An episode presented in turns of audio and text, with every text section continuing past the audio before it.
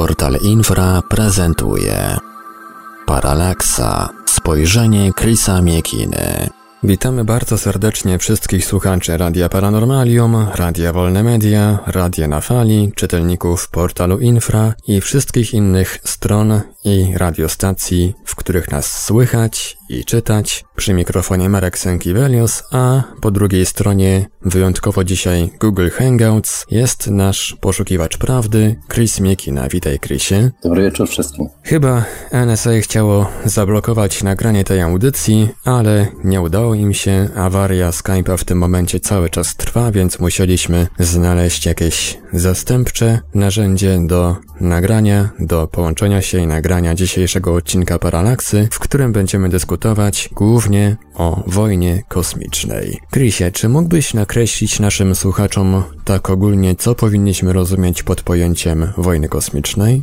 O co w tym wszystkim chodzi? Wojna kosmiczna to właściwie taki, e, można powiedzieć, takie hasło, które określa bardzo szeroki wachlarz najrozmaitszych, najrozmaitszych problemów. Ja tą nazwę zaczerpnąłem od y, jednego z autorów, którego bardzo, bardzo lubię, od Josepha Farela, który napisał właśnie książkę pod takim tytułem Wojna kosmiczna i właściwie ten problem kontynuuje w wielu swoich książkach, a pisze ich dość sporo i ma dość ciekawe pomysły na temat tego, co się działo w przeszłości i tego, co się może wydarzyć w przyszłości. No, wojna kosmiczna była do tej pory przedmiotem właściwie literatury science fiction, opowieści fantastycznych. Właściwie była takim wymysłem autorów raczej, bo w kosmos latamy rzadko, jesteśmy ciągle technologicznie w powijakach i bardzo rzadko opuszczamy naszą planetę. I kiedy już wylatujemy spoza e, naszą strefę okołoziemską, to właściwie e, tutaj nasze pole popisu się kończy. Właściwie można tu mówić tylko i wyłącznie o przetrwaniu, a nie o jakiejś wojnie. Także wydawałoby się, że wojna kosmiczna jest to temat y, absolutnie do fantazjowania i filozofowania i tak naprawdę nie ma za dużo wspólnego y, z takim realnym życiem. Jeśli jednak o tym trochę pomyśleć, okazuje się, że wojna kosmiczna towarzyszy człowiekowi od samego jego początku, od zarania, bo przecież zauważmy, że tą taką pierwszą dyscypliną, można powiedzieć w cudzysłowie naukową, którą rozwijał człowiek, budując swoją cywilizację jeszcze w jaskiniach, to była właśnie astronomia. To właśnie przez astronomię, przez to, że patrzył w gwiazdy, patrzył w kosmos, wypatrywał swoich bogów, swojej przyszłości, przeznaczenia, czy może jakiejś dziury czasoprzestrzennej.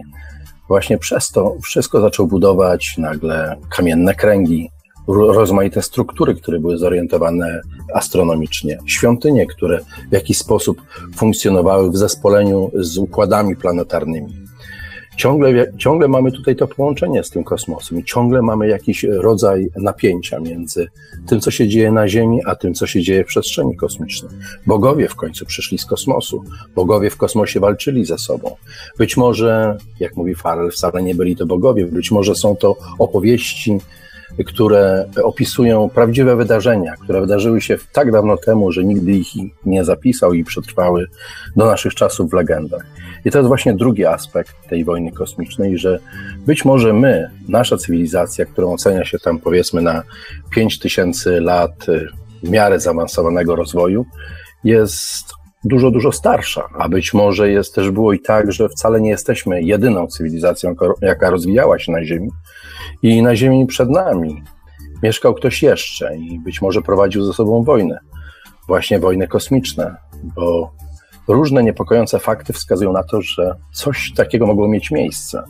I widzimy to chociażby po najrozmaitszych megalitach, których nie wiemy, kto je zbudował i w jaki sposób, jaką technologię zastosował, bo wielu z nich do dziś nie jesteśmy w stanie odtworzyć y, tak samo detalicznie i dokładnie, jak robiono to w tamtych czasach. Dawno, dawno temu, być może przed setkami tysięcy lat. Do tego dochodzą y, najrozmaitsze takie teorie, które, czy być może takie hipotezy, że niektóre z ciał niebieskich, które y, otaczają rozmaite planety Układu Słonecznego, wcale nie są y, tworami naturalnymi. Na przykład nasz Księżyc, sam nasz Księżyc, który widzimy praktycznie każdej nocy, wzbudza całą masę kontrowersji. Bo nie bardzo pasuje do tego, w jaki sposób zbudowana jest Ziemia. Najprawdopodobniej nie jest kawałkiem wyrwanym z dna Oceanu Spokojnego i, i ukształtowanym jako srebrna kula gdzieś tam na niebie przez e, bombardujące go nieustannie e, meteoryty.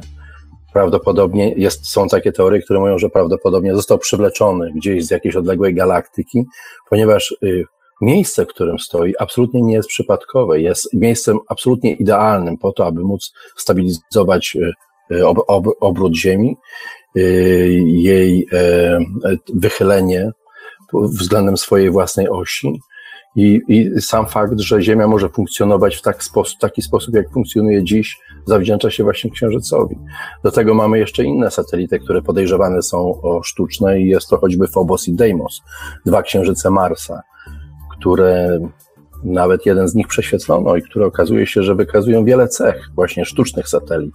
Bo na przykład Phobos okazał się pusty, na dodatek ciągle y, wypuszcza z siebie coś, co trudno zidentyfikować, czy jest to jest to jakiś zamarzający nagle płyn, czy jest to być może powietrze. Także to pokazuje, że wewnątrz tego e, ciała niebieskiego, ciągle nazywamy to ciałem niebieskiego, coś zachodzi, coś się tam dzieje. Być może jest to, jak, jak chcą niektórzy, jakiś rodzaj stacji kosmicznej. I to wszystko sugeruje, że, że w tym kosmosie działo się kiedyś bardzo, bardzo dużo i dzieje się w sumie dużo do dziś. Nawet my teraz, kiedy właśnie e, wchodzimy w ten, przekraczamy ten próg E, tych odkryć kosmicznych.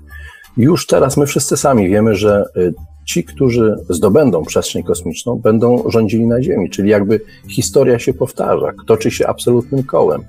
Znów wchodzimy w erę kosmiczną i znów mamy wyścig w kosmosie. A skoro jest wyścig w kosmosie, jest to wyścig technologiczny, mamy tutaj właśnie do czynienia z elementem, który musi się w końcu wydarzyć, czyli wojny kosmicznej. Na początku ten, ta wojna jest e, bez, bezkrwawa, ale z czasem dochodzi do konfrontacji. Już w tej chwili widać te napięcia, bo nikt nie ma monopolu na loty w kosmos, a widzimy, że kraje, które już osiągnęły ten poziom e, e, technologii kosmicznych, bardzo ostro ze sobą rywalizują, sprzymierzają się jedni przeciwko drugim, no i próbują dla siebie coś ugrać, żeby zdobyć przewagę. Bo tak jak powiedziałem wcześniej, ten, kto będzie rządził w kosmosie, ten będzie rządził na Ziemi, ale także i w całej reszcie Układu Słonecznego. Dlatego ten problem jest tak ciekawy, interesujący i tak właściwie mu się przyglądam z różnych perspektyw i z różnych stron, patrząc w jaki sposób się rozwija. No i od czasu do czasu właśnie przychodzą takie różne myśli, e, w którą stronę podążamy i w jaki, jak w dalszym ciągu będzie się rozwijał się nasz świat i dokąd on tak właściwie dąży. No i stąd właśnie ten temat. Spróbujmy teraz przyjrzeć się troszeczkę możliwej historii konfliktów na skalę kosmiczną. Jeżeli faktycznie taki konflikt kiedyś mógł powstać lub właśnie się rozgrywa, to kto mógł walczyć przeciwko komu? Jak sądzisz? No na, na, to pytanie nie da się odpowiedzieć, dlatego że tak naprawdę nie wiemy, kto kiedy mógł walczyć. Mamy jedynie takie bardzo starożytne przekazy, mamy indyjskie Wedy, mamy najrozmaitsze legendy, chociażby mity greckie opisują mnóstwo kosmicznych pojedynków i starć. Praktycznie niemalże każda kultura wytworzyła w sobie taki mechanizm przechowania takiej wiedzy o tym, co kiedyś wydarzyło się w kosmosie i wiemy, i nazywamy to legendami, ale nie mamy niestety na to żadnego potwierdzenia. Od czasu do, do czasu napotykamy niepokojące, czasami na olbrzymią skalę znaleziska, chociażby takim znaleziskiem pewnie będą piramidy, którzy niektórzy, które niektórzy uważają na przykład za broń, czy na przykład kamienne kręgi, które ustawione e, w pewien bardzo specyficzny sposób są w stanie wykorzystać naturalne siły Ziemi, spotęgować je, do tego dołączyć e, najrozmaitsze zjawiska, które zachodzą w kosmosie i wyprodukować e, kompletnie niszczącą, niebezpieczną energię. No i takim zjawiskiem, mm, na przykład na dzisiejszą skalę, które można porównać do kamiennych kręgów, jest pewien krąg na granicy szwajcarsko-francuskiej. Jest wielki zderzacz hadronów, gdzie no, tak myślę, że ma 27 chyba kilometrów średnicy, gdzie właśnie w takim kręgu, już może nie kamiennym, choć tak naprawdę kamiennym, ponieważ wszystko jest to zatopione w skale. Ten cały tunel, który, przez który przebiegają z szaloną prędkością te najrozmaitsze cząstki, te elementarne, te protony, przebiegają, one tam przebiegają niemalże z prędkością światła, właśnie będąc w tych rurach i podążając olbrzymią prędkością, są w takiej otoczce skalnej, która jest praktycznie takim piezoelektrykiem. I to powoduje, że ten piezoelektryk nieoczekiwanie jest w stanie złapać kontakt z polem magnetycznym Ziemi. A jeżeli pole magnetyczne Ziemi jest w pewnym układzie, na przykład magnetycznym ze Słońcem, co już wiemy, że oba układy nie są osobne, one w jakiś sposób współpracują ze sobą, współdziałają, wpływają na siebie, wówczas, kto wie, można, można wy, wykorzystać na przykład siłę Słońca i dokonać czegoś tak absolutnie niezwykłego, że no nie mieści się to dziś wielu, nawet i naukowcom w głowie, ale to wszystko jest absolutnie możliwe.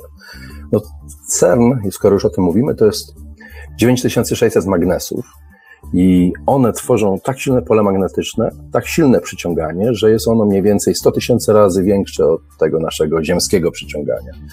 I właśnie dzięki temu pozwala to właśnie to, ten, to pole magnetyczne, pozwala rozpędzić proton e, do niemalże prędkości światła. I w ciągu 10 godzin takiego krążenia w tym, w tym tunelu, taki proton pokonuje e, około 10 miliardów kilometrów. I to oznacza, że jest on w stanie y, dolecieć w tym czasie, dolecieć y, do końca naszego układu słonecznego i powrócić z niego. Y, w ciągu tam jednej sekundy, zdaje się, około 11,5 tysiąca obrotów na sekundę wykonuje taki, taki proton. No i właśnie te możliwości, o których wspomniałem wcześniej, to, to, ta możliwość zaprzągnięcia do takiej maszyny nieprawdopodobnych i nieobliczalnych sił wszechświata, no, mogą mieć bardzo różne niebezpieczne skutki. Dlatego i Hawking przestrzegał przed tym, żeby zamknąć CERN, czy zaprzestać tych eksperymentów. I wielu innych naukowców domaga się, aby tego więcej nie robiono. W Niemczech nawet e, jest, zrobiono taki pozew sądowy przeciwko CERNowi, bo Niemcy są bardzo porządnym układem, układnym narodem i posz, poszli drogą urzędniczą, gdzie oskarżono właśnie o tworzenie jakiegoś, takiej, jakiejś sytuacji niebezpiecznej y, dla całej planety, dla całej planety i z tego powodu zażądano, aby sędzia zamknął tą całą instytucję. No niestety się to nie, nie udało, bądź stety, bo tak naprawdę y, trudno powiedzieć, jaki efekt do końca przyniesie CERN. Już teraz wiadomo, że efekt może pójść w każdą stronę. Może zakończyć się kompletnym fiaskiem, ale może zakończyć się sukcesem. I skoro już ostatnio CERN zaczął osiągać pewne sukcesy i pełen entuzjazm w tym świecie naukowym wzrósł, oznacza to, że jednak ta skomplikowana, niesamowita maszyna, która pracuje na zasadach takich samych jak kamienne kręgi dawno, dawno, dawno temu, okazuje się, że jednak działa i że te wszystkie astrologiczne historie, które przez wielu twardogłowych naukowców uważane są za takie banialuki, za takie opowieści z mchu i paproci, o tych wszystkich energiach, które gdzieś tam miałyby występować. CERN potwierdza, że taka energia istnieje, że coś takiego można rzeczywiście stworzyć. Tyle, że najgorsze jest to, że nie można przewidzieć tak naprawdę końcowego efektu, że jest to takie troszeczkę bawienie się z ogniem. Może się uda, może się nie uda. Y, mimo wszystko ciekawość tutaj zwycięża, no i, i po prostu cóż, no, doświadczenia trwają dalej. A nie są to doświadczenia bezpodstawne, bo y, tutaj y, tego typu sposób myślenia to y, już teoretycznie przynajmniej prezentowano już w XIX wieku, kiedy matematyka osiągnęła nieprawdopodobny rozwój, kiedy powstawały takie teorie matematyczne Krona, Teodora Kaluzy z, z Opola, czy Oskara Kleina, Maxwella, Minkowskiego, czy chociażby Tesli, no to wszystko y, w teorii było bardzo trudne do uzasadnienia, ale te zręby i te pomysły tych naukowców pozwalają w tej chwili na, na zastosowanie tego, co oni wymyślili, właśnie w ramach tego CERN. Czyli jest możliwa realizacja czegoś, co wydaje się wręcz po prostu aż bajeczne, czyli wykorzystania niesamowitej energii kosmicznej do, do własnych celów. I teraz wybór będzie należał do nas właściwie nie do nas, do wielkich tego świata, w jaki sposób to będzie wykorzystane. Czy jak zwykle, czy żeby komuś dołożyć, czy też być może okaże się, że jesteśmy w stanie wyrosnąć poza naszą słabość dominowania nad innymi i zechcemy dzięki niej zasiedlić inne planety, czy po prostu wreszcie przekroczyć granice Układu Słonecznego i, i, i poszukać tych eksoplanet, na których można się osiedlić. otworzyć kompletnie nową erę, taką samą jak otwarła się wraz z odkryciem Ameryki, kiedy nagle świat poszerzył się i to znacznie. I był, dostał taki rodzaj, tak, był to rodzaj takiego entuzjazmu, że można odkryć nowe ziemie i okiełznać je, zasiedlić. No, później wiadomo było, jaką cenę trzeba było zapłacić za to okiełznanie, zasiedlenie, ale myślę, że jesteśmy, żyjemy na granicy takiej bardzo ekscytującej epoki. Znaczy, może się okazać, że będziemy żyli bardzo krótko, bo komuś coś się nie uda, albo ktoś wpadnie na głupi pomysł, a może się okazać właśnie, że żyjemy na początku niesamowicie wielkich czasów. I nie, nie przesadzam, staram się tutaj nie przesadzać, nie wpadać w zbytni entuzjazm, bo e, tego typu e, myślenie i doświadczenia właśnie z, z takim urządzeniem jak wielki zderzacz hadronów na mniejszą skalę był prowadzony w Stanach e, i robiono to w Stanford. I tam właśnie przez 10 lat dokonano miliardy tego typu zderzeń protonów i praktycznie cały ten dorobek tego, co zrobiono w Stanford, przeszedł w tej chwili właśnie na CERN. Nazywa się to, w Stanford nazywało się, nazywał się to projekt Babar. I ten projekt Babar właśnie e, w tej chwili praktycznie jest realizowany w CERN. Dzięki temu odkryto tych 12 e, podstawowych, wyodrębniono 12 podstawowych takich e, cząstek, z których, czyli leptonów, których, z których zbudowany jest ten, cały ten nasz wszechświat. No i właśnie w tym zdarzaczu hadronów może się okazać, że może powstać nagle trzynasta cząstka, która nie jest podobna ani do żadnej z tych, które już są, już są stworzone. I to praktycznie załamie całą naszą y, obecną fizykę i fizykę opartą na odkryciach Einsteina. I może się okazać, że takie fantastyczne wymysły fizyki, jak na przykład, jak na przykład fizyka skalarowa, torsyjna, czy czy hiperwymiarowa, które były uważane za, za bajeczki, jest absolutnie możliwa. No bo co to oznacza? Okazuje się, okazuje się na przykład, że niektóre z cząstek, e, które podczas tego zderzenia załamują tą płaszczyznę czasoprzestrzenną i na przykład e, wybierają sobie dowolny kurs w czasie. Niekoniecznie patrzą na czas tak jak my patrzymy, że on biegnie z punktu A do punktu, do punktu B. Okazuje się, że w pewnych warunkach ta cząsteczka jest w stanie zawrócić w czasie, a zawrócenie w czasie i opanowanie tego typu technologii właśnie pozwa, pozwoli no, po prostu już osiągnąć wszystko, że podróż z galak- międzygalaktyczna będzie taka sama jak podróż pendolino z Warszawy do Krakowa. Będzie tym samym rodzajem podróży. Także są to odkrycia niesamowite. Tam y, już kiedyś przewidział w jakiś sposób to wielki rosyjski, a właściwie radziecki wizjoner Kozyriew, który widział to wszystko i y, mniej więcej wiedział o doświadczeniach Amerykanów, ale o ile Amerykanie robili to w mikroskali, on przełożył to na makroskalę i doszedł do wniosku według starej zasady, jako w niebie, tak i na ziemi, jak na ziemi, tak i w niebie. Czyli wszystko to, to, co jest w mikroskali na Ziemi, jest dokładną mapą i odzwierciedleniem tego, co dzieje się we wszechświecie. I doszedł do wniosku, że na podobnej zasadzie działa wszechświat, działa gwiazdy, działają gwiazdy, tworzą się układy planetarne i że znając tego typu zasady i prawa, które tym rządzą, będzie na przykład można stworzyć taką gwiazdę lub wykorzystać energię takich gwiazd.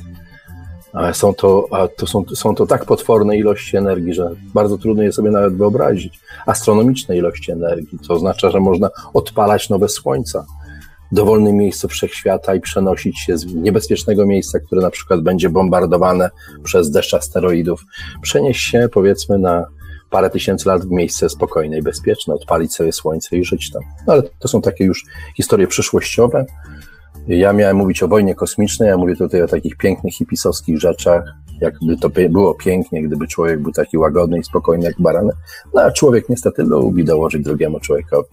Więc pewnie będzie tak jak zawsze ktoś coś dopadnie i dołoży drugiemu, przy okazji zrobi sobie krzywdę, a przy okazji całemu światu też, jak to się zazwyczaj dzieje. I będziemy znowu zaczynali po raz kolejny od początku za jakiś czas. A jak sądzisz, jaką rolę w wojnie kosmicznej, czy też w przygotowaniach do takiej wojny może odegrać CERN i inne ośrodki? CERN jest przede wszystkim źródłem wiedzy, jak to działa, i to jest to źródło wiedzy na dużą skalę, bo jest to potężna maszyna. Więc wszystkie doświadczenia, jakie tam zachodzą, mają już swój, swoją wymowę, mają swoją siłę, mogą coś zdziałać. Więc e, tego typu urządzenia dadzą przede wszystkim wiedzę, jak działają naprawdę siły kosmiczne i czy rzeczywiście siły kosmiczne można zaprząc do swoich własnych celów. Y, y, wielu naukowców podejrzewało, że tak, ale spójrzmy na, na całą historię tej ludzkości. Spójrzmy na przykład na astrologię. Tą wyśmiewaną astrologię, która tak naprawdę jest tą prawdziwą astronomią, bo od tego się zaczęła astronomia, y, która właśnie szuka różnych sił kosmicznych, która wskazuje, że jedne dni są lepsze, inne są gorsze, są dni pechowe, są dni słabe, że w wielu kulturach, czy właściwie we wszystkich kulturach, szaman podpowiadał, że czy dzień jest dobry na bitwę, czy jest to dzień dobry na siew, czy jest to dzień dobry na to, żeby zmajstrować sobie potomka na przykład. Wszystko to było związane z siłami kosmicznymi. Do dziś czytamy horoskopy, do dziś e, szukamy w gwiazdach e, przyszłości. Do dziś, kiedy widzimy spadającą gwiazdę, niektórzy uważają to za omen szczęścia, inny za omen pecha. Także e, siły kosmiczne tak naprawdę niemalże każdy z nas jest przekonany, że on w tym, jak je zaprząc do własnego celu. Wcześniej zaprzęgano je w ten sposób, że budowano takie prymitywne urządzenia jak kamienny krąg w Stonehenge na przykład, czy na przykład kręgi w Göbekli Tepe czy na przykład coś o wiele bardziej skomplikowanego, jak na przykład egipskie piramidy. Takich miejsc jest wiele i za że są świetnie zorientowane astronomicznie i że maszynami, mimo że archeolodzy nazywają je świątyniami. A to były maszyny, one do czegoś służyły. Coś miały zdziałać, coś miały stworzyć, na coś miały. Yy, także widać, że te siły kosmiczne da się zaprząc do, do, do pracy. A maszyna taka jak CERN, która ma do niesamowitą bazę danych, y, super szybkie komputery. Tam zdaje się kabla położono tyle, że wystarczy gdyby go rozwinąć, wystarczyłoby go, żeby go rozciągnąć do Słońca, wrócić z powrotem i jeszcze parę razy okręcić dookoła Ziemi. Tyle kabla jest na 27-kilometrowym okręgu położone, także to są, to jest niesamowicie poważna, poważna y, budowla poważna historia jest bardzo z, z tym sernem i właśnie na podstawie tych doświadczeń, które tam się tworzy, gdzie, gdzie właściwie praktycznie można powiedzieć, że wykuwa tam się przyszłość Ziemi. I dlatego CERN jest prawdopodobnie jednym z nie tylko najbardziej zaawansowanych projektów naukowych, jakie w tej chwili realizuje się na Ziemi, ale jednym z tych, które mają niesamowity wpływ na to, co się dalej z nami wydarzy i w którą stronę pójdzie nasza cywilizacja ciągle będzie na tej małej planetce, czy też wreszcie wyrwie się z tego zaklętego kręgu a, przyciągania ziemskiego pola magnetycznego i wyrwie się gdzieś dalej w wszech, we wszechświat, by odkrywać nowe planety i nową, nowe przestrzenie dla siebie. A może ludzie bądź inne istoty mieszkające na Ziemi były kiedyś naocznymi świadkami takiego kosmicznego konfliktu? Jeden z badaczy tego tematu, Richard Hoagland, twierdzi, że wojna kosmiczna miała miejsce 65 milionów lat temu i zbiegła się w czasie z wygnięciem dinozaurów. No, jest to, absolutnie jest to możliwe, ale tak samo absolutnie nie mamy na to w zasadzie za dużo dowodów. Oprócz tych wszystkich, które wymieniłem wcześniej, oprócz tych wszystkich legend i podań, które przetrwały przez tysiące lat w najrozmaitszych kulturach, możemy jedynie przypuszczać, że y, ktoś tu żył na naszej ziemi przed nami i ktoś być może nieźle wojował, mają podobny charakter do nas. Takie, takie pośrednie jakby źródło, które to potwierdza, są te najrozmaitsze spotkania z tak zwanymi kosmitami, ludzi, którzy na, z naszej planety kiwanie napotkali kogoś, kogo uznali, że jest z innej planety i w wielu, wielu przypadkach bardzo często y, okazywało się, że ci rzekomi przybysze z innych planet podobnie jak my.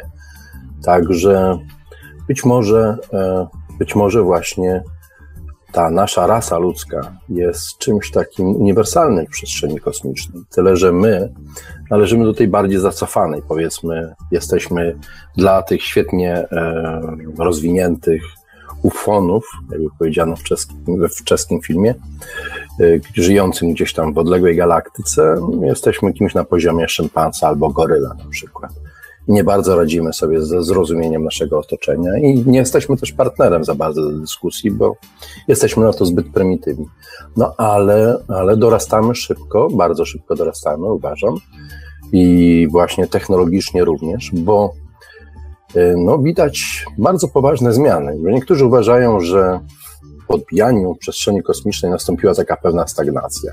Najpierw po takim wielkim hura optymizmie, kiedy człowiekowi udało się polecieć na Księżyc nawet kilka razy, udało się wysłać najrozmaitsze e, sputniki na Marsa, a nawet parę łazików, które funkcjonują do tej pory tak jakby to wszystko zatrzymało się w pewnym miejscu. Nagle zdaliśmy sobie sprawę z naszych ograniczeń, że tak naprawdę nie możemy za bardzo tutaj powojować w tym kosmosie, bo niestety taka rakieta za daleko nas nie zaniesie.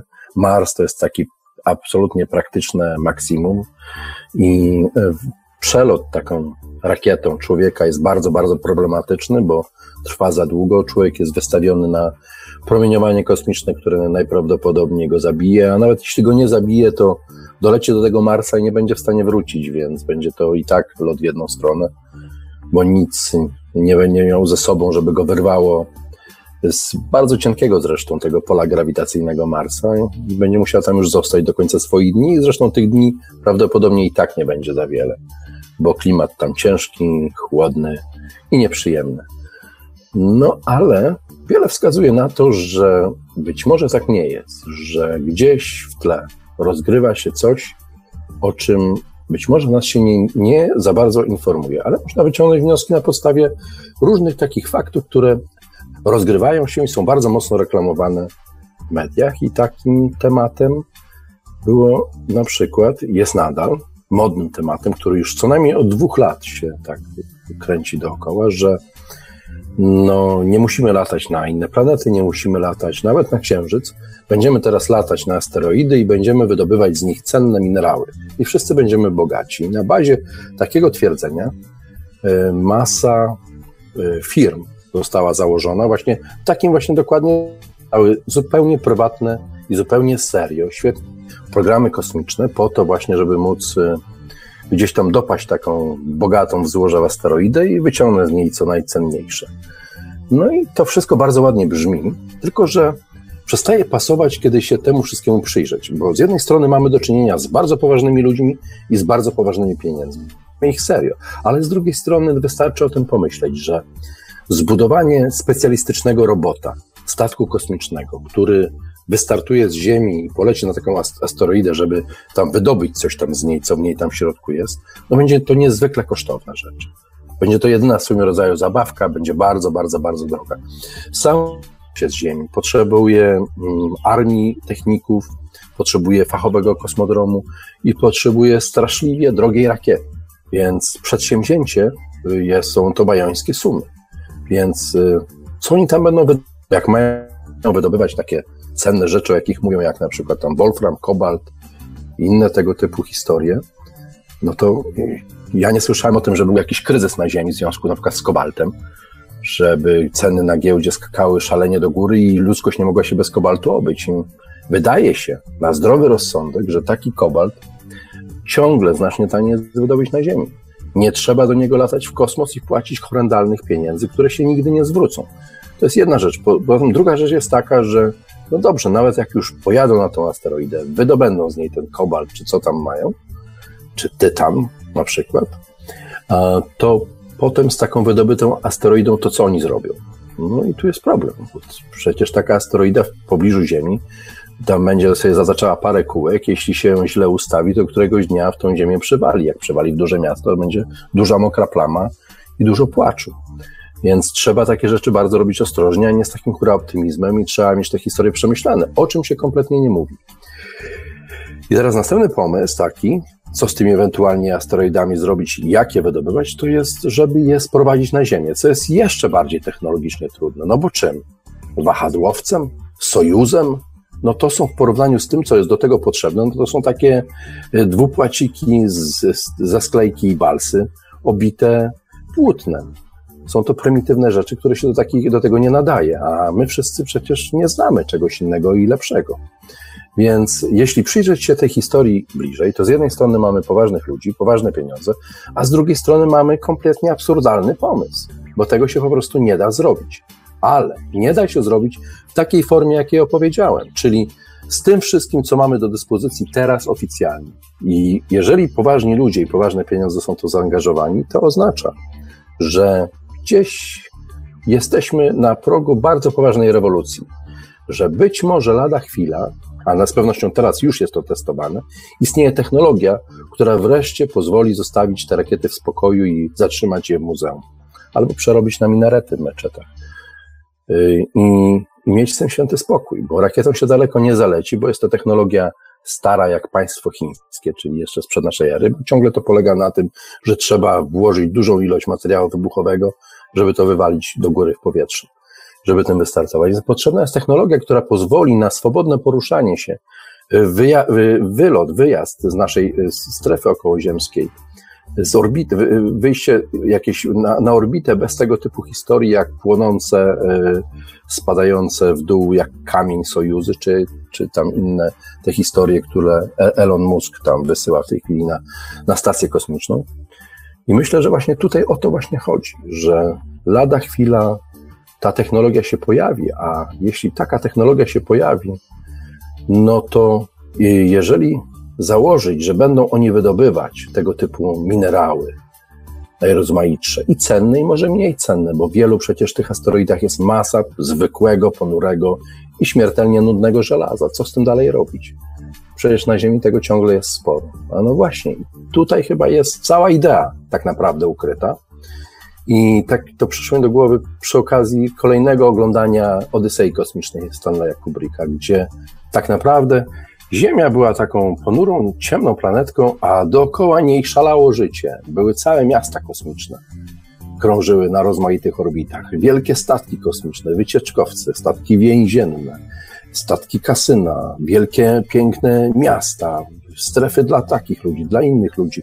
To było coś absolutnie niesamowitego, więc chyba to ta, ten taki owczy pęd do prowadzenia tego wydobycia minerałów na asteroidach jest właśnie po to, żeby wcale tego na Ziemię nie przewozić, tylko żeby z tego, co się wydobędzie, budować elementy i tworzyć właśnie tego typu kosmiczne miasta. I żyć właśnie gdzieś tam na orbicie czegoś, niekoniecznie Ziemi w tym przypadku. Bo trzymając tego typu technologię do dyspozycji, nowy rodzaj napędu i możliwość y, wydobywania wszystkich cennych minerałów z tego, co lata dookoła, w przestrzeni kosmicznej, można już zrobić wszystko. Także myślę, że to jest ten taki następny element, który pokazuje, że znów jesteśmy właśnie na tym progu, gdzieś już blisko tego właśnie, tej właśnie nowej epoki, pod warunkiem oczywiście, że doczekamy do tego cierpliwie, a nie wpadnie ktoś na pomysł, że trzeba przycisnąć parę guzików walizkowych, wyrzutniach, czy bombach, czy czemuś temu podobnemu. Gdy tak opowiadałeś o tych asteroidach, to przyszło mi do głowy, że nie daj Boże jakaś wroga cywilizacja mogłaby wykorzystać asteroidy i inne mniejsze ciała kosmiczne przeciwko nam w charakterze pocisków. No, owszem, mogła być, mogłaby to wykorzystać, gdyby się pojawiła, no bo ciągle mamy z tym bardzo poważny kłopot z tą obcą cywilizacją, bo dużo się o nim mówi. Jest dużo najrozmaitszych przesłanek, ale nie ma twardego dowodu. Nie ma kosmity, którego można byłoby pokazać y, w tańcu z gwiazdami chociażby. Y, nie ma y, statku kosmicznego, który można było wszystkim zademonstrować. Są jedynie różne pogłoski, że coś takiego istnieje, że gdzieś ktoś coś takiego przejął, że gdzieś coś zbiło i tak dalej, i tak dalej. Także Myślę, że my, Ziemianie, ciągle z tą cywilizacją kosmiczną, skoro ona byłaby w stanie do nas dolecieć, no to my i tak nie mamy wielkich szans. Oni nas mogą obrzucić czymkolwiek.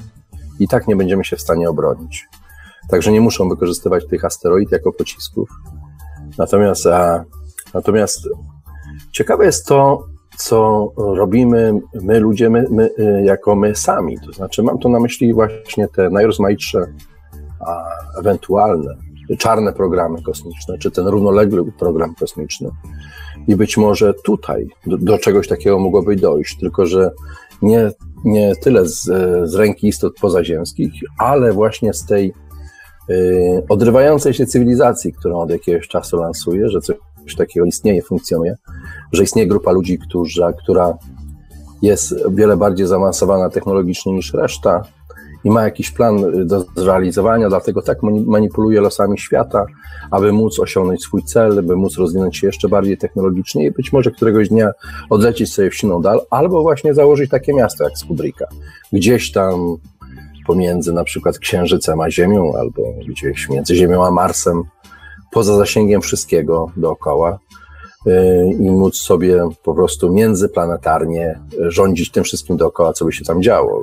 Kto, by, kto ma prawo wydobywać y, y, złoża na asteroidach, kto ma prawo do, wylatywać na inne planety i tak dalej, i tak dalej. Czyli po prostu kontrolować, czyli po prostu robić to, co zawsze robiono od, od póki, od, odkąd istnieje ludzka cywilizacja. Y, pojawiają się jacyś kontrolerzy i po prostu szlifują swoje instrumenty kontroli. W tym momencie ta kontrola poprzez y, technologię kosmiczną jest tą kontrolą chyba naj, najpotężniejszą. To mi właśnie przewodzi na myśl tutaj to, co na przykład w tej chwili dzieje się z, na przykład z chińskim programem y, kosmicznym, który jest bardzo interesujący i taki nieco frapujący, bo wszyscy tak tych Chińczyków troszeczkę nie doceniali. Wszyscy uważali, że zrobili sobie podróbki Sojuzów i tak naprawdę za daleko tymi podróbkami nie zalecą. Okazało się, że zalecieli, zalecieli nawet na Księżyc. Tam wujek sam się nawet bardzo mocno zdenerwował tym, że jeżdżą tym swoim królikiem jadeitowym po Księżycu, robią zdjęcia. Nawet tam powstały strefy zakazane, gdzie tych zdjęć robić nie było wolno. No i teraz Chińczycy planują następną rzecz, następną wyprawę. Jest to wyprawa na ciemną stronę Księżyca.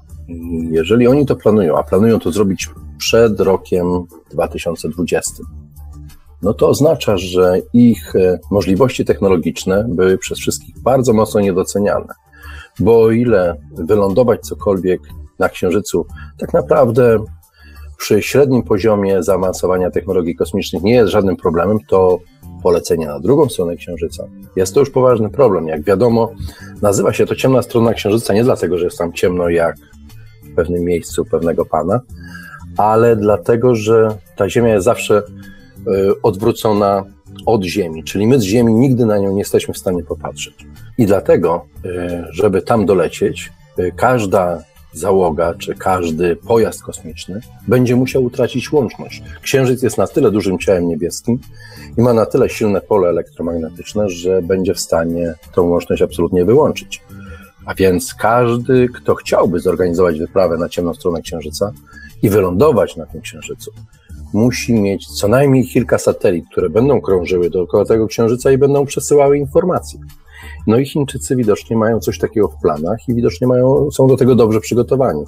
Chcą wylądować na Księżycu, chcą pobrać y, mnóstwo próbek skał, ziemi, y, tego, tego piachu, kamieni księżycowych.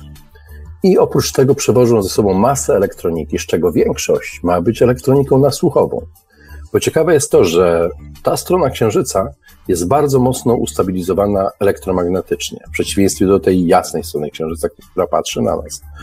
I dzięki temu y, bardzo wyczulone instrumenty nasłuchowe są w stanie odebrać sygnały. I teraz tu się można zastanowić, jakie sygnały, kogo chcą usłyszeć Chińczycy, kogo chcą oni znaleźć, kogo chcą tam znaleźć. No i to właśnie mówię o tym dlatego, że co jakiś czas pojawia się pogłoska, że na przykład taka baza obcych znajduje się właśnie po ciemnej stronie Księżyca. A inni mówią, że nie, to, nie są to żadni obcy, są to chłopcy od wujka sama, którzy siedzą tam cicho w swoich małych bunkierkach i robią tam swoje rzeczy, kontrolując jakieś tam historie, które się rozgrywają tu i ówdzie. Także Chińczycy będą mieli okazję to sprawdzić, jednocześnie będzie to też okazja do sprawdzenia y, reakcji Y, na tą historię wuja sama. A wuj sam już się zdenerwował, bo żeby wylądować na tej ciemnej stronie księżyca, przede wszystkim trzeba mieć dobrą mapę tego księżyca. A to nie jest takie proste.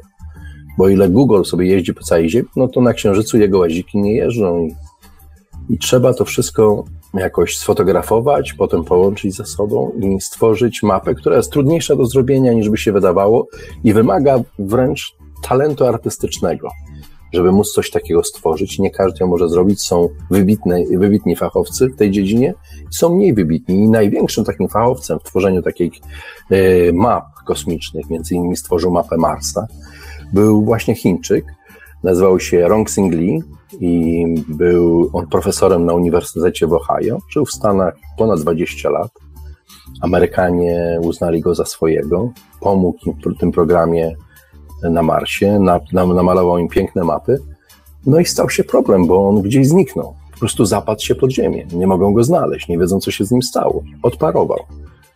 No i teoria jest taka, że no Chińczyk pozostał do końca Chińczykiem i w tej chwili pracuje dla swoich chińskich panów i tworzy im tą mapę Księżyca, bo jest absolutnie y, najwybitniejszym fachowcem w dziedzinie map planetarnych, y, jak jacy chodzą po Ziemi. No i taki człowiek jest w stanie już zagwarantować powodzenia takiej wyprawy, bo jest on w stanie wskazać najlepsze miejsce, gdzie właśnie posadzić taki próbnik i gdzie go odpalić, żeby wrócił z powrotem. Czyli Chińczycy mają straszliwie ambitne plany, no i zobaczymy, co z tego wyjdzie. Także do tej pory jedyne próbki na Ziemię z kosmosu przywieźli Amerykanie, no i przywieźli Japończycy na, tym, na tej sondzie swojej Hayabusa. Tam troszkę takich różnych piaskowych ziarenek z różnych asteroidów, na których ta Hayabusa siadała, jak taki komar. No i Chińczycy w tej chwili chcą zrobić coś na wielką skalę, a jednocześnie reklamują, że mają kompletnie nowe metody badawcze, rewolucyjne, jeśli chodzi o poznawanie planet i różnych zjawisk, jakie tam zachodzą. Dlatego tutaj będzie, będzie okazja zobaczyć, czy jest tak, jakby się wydawało, że nastąpił taki niepisany podział sił w kosmosie, że Amerykanie i Europejczycy będą teraz eksplorować wspólnie Marsa, a Rosjanie i Chińczycy niech sobie tam na tym księżycu coś tam poszukają, bo na to wygląda, że taki, do takiego podziału doszło. No i to będzie taki test. Także do 2020 wbrew pozorom wcale nie jest tak daleko i na pewno jeszcze o tej wyprawie usłyszymy i pogadamy o niej. A czy Chińczycy mają jakiś plan na wypadek, gdyby udało się tam na Księżycu znaleźć jakichś kosmicznych gości? No tego, tego nie wiemy. Pewnie na pewno mają takie plany. Myślę, że każdy szanujący się kosmiczny naród ma ma taki pomysł, coś co zrobić, jak się pojawi jakiś kosmita. W jaki sposób go zabezpieczyć, w jaką beczkę formaliny go włożyć, gdzie go, w jakim laboratorium go rozciąć i dowiedzieć się, co się tam nim, co ma tam w środku i co się w nim dzieje. Także jestem, jestem przekonany, że absolutnie tak. To, że to życie po, pozaziemskie, gdzieś tam we wszechświecie istnieje, no to mamy coraz więcej najrozmaitszych dowodów na to, że takich twardych dowodów, naukowych dowodów, które mówią, że jednak potwierdzają, że nie jesteśmy w tym kosmosie sami, że być może ktoś gdzieś jest jeszcze oprócz nas. I tutaj ta jest ta historia, o której rozmawialiśmy przed nagrywaniem tej audycji, o, o tym sygnale, który no właśnie na przykład, y, który y, zarejestrowano w Parks Observatory Australii. No właśnie, co wiadomo na temat tego sygnału? Czy pojawiły się jakieś nowe informacje? Sygnał, przede wszystkim ten sygnał y, był niezwykle silny.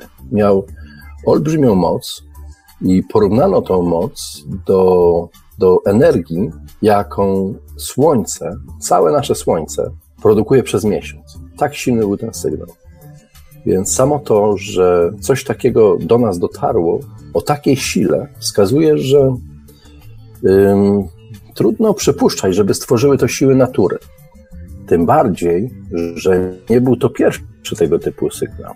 Wcześniej na Ziemię dotarło dziewięć podobnych. To jest dziesiąty sygnał, który dotarł. O takiej właśnie sile.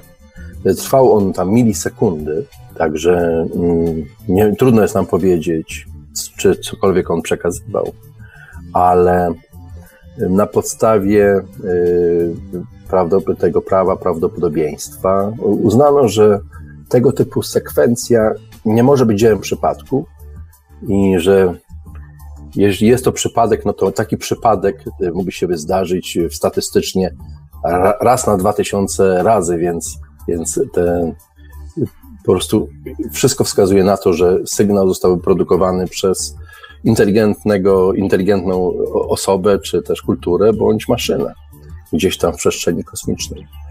Jest to właśnie niepokojące z tego względu, że y, te 10 sygnałów są niemalże y, identyczne. Y, nazwano je e, Fast Radio Burst, FRB, takie nazywają. I okazało się na przykład, że ich wspólnym mnożnikiem jest liczba 187,5. Czyli wszystkie są jeszcze w jakiś sposób matematycznie ze sobą powiązane. I to właśnie tak troszeczkę niepokoi, bo zaczęli się tutaj w tej Australii ludzie zastanawiać, że skoro ktoś jest taki, taki silny sygnał produkować, to co jeszcze potrafi?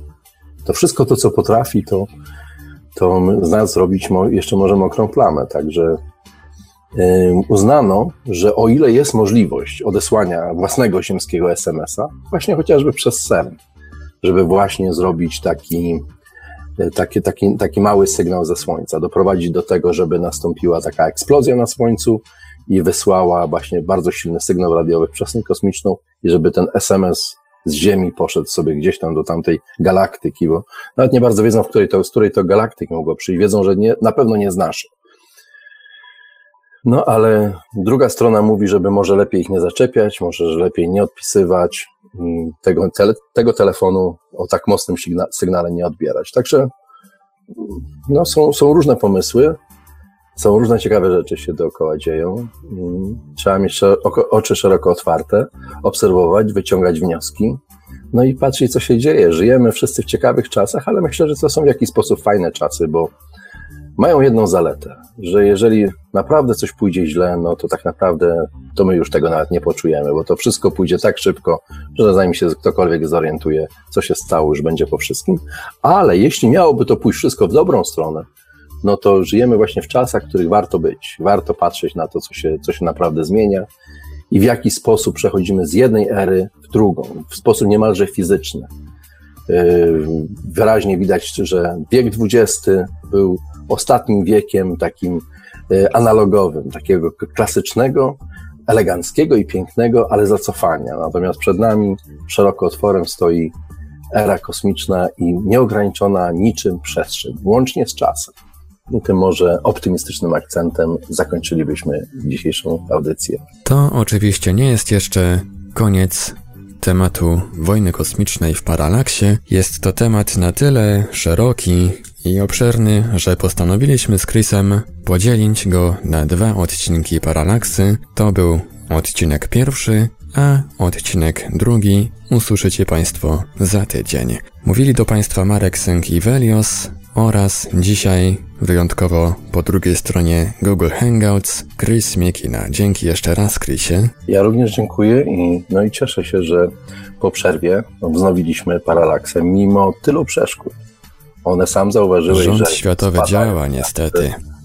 Po prostu wydarzyło się już wszystko, co możliwe, oprócz wybuchu wulkanu, trzęsienia ziemi i aresztowania y, przez policję, żeby tylko nie dopuścić do jakiegokolwiek nagrania z każdej z możliwej strony. Dzisiaj nawet rząd światowy wywalił y, Skype'a, chyba na dobre, na dzisiaj. Dla wielu ludzi praktycznie niedostępne, a akurat dzisiaj nie było żadnych przeszkód, żeby to audycję zrobić. A co do części, to myślę, że, że to może nawet nie tyle będzie dwie części, ale będzie, będą po prostu części się pojawiać w miarę tego, jak te tematy wojny kosmicznej będą narastać, bo one pączkują w szybkim tempie.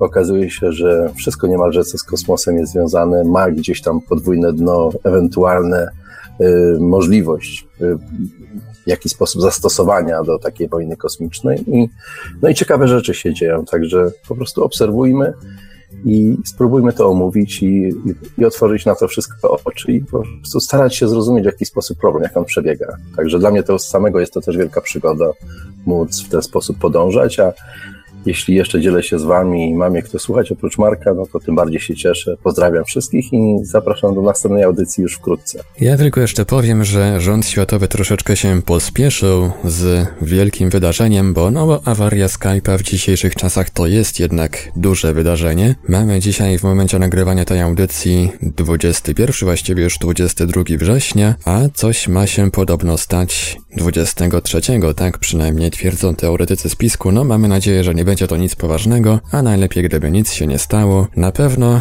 jednak w kolejną niedzielę również się usłyszymy, a tymczasem życzymy wszystkim słuchaczom pięknych, zdrowych, paranormalnych, a przede wszystkim świadomych snów. No i zachęcamy do śledzenia na bieżąco strony internetowej Radia Paranormalium oraz serwisu nowaatlantyda.com, który redaguje Chris Miekina. Radio Paranormalium, paranormalny głos w Twoim domu. Dobranoc i do usłyszenia ponownie już za tydzień. Dobranoc.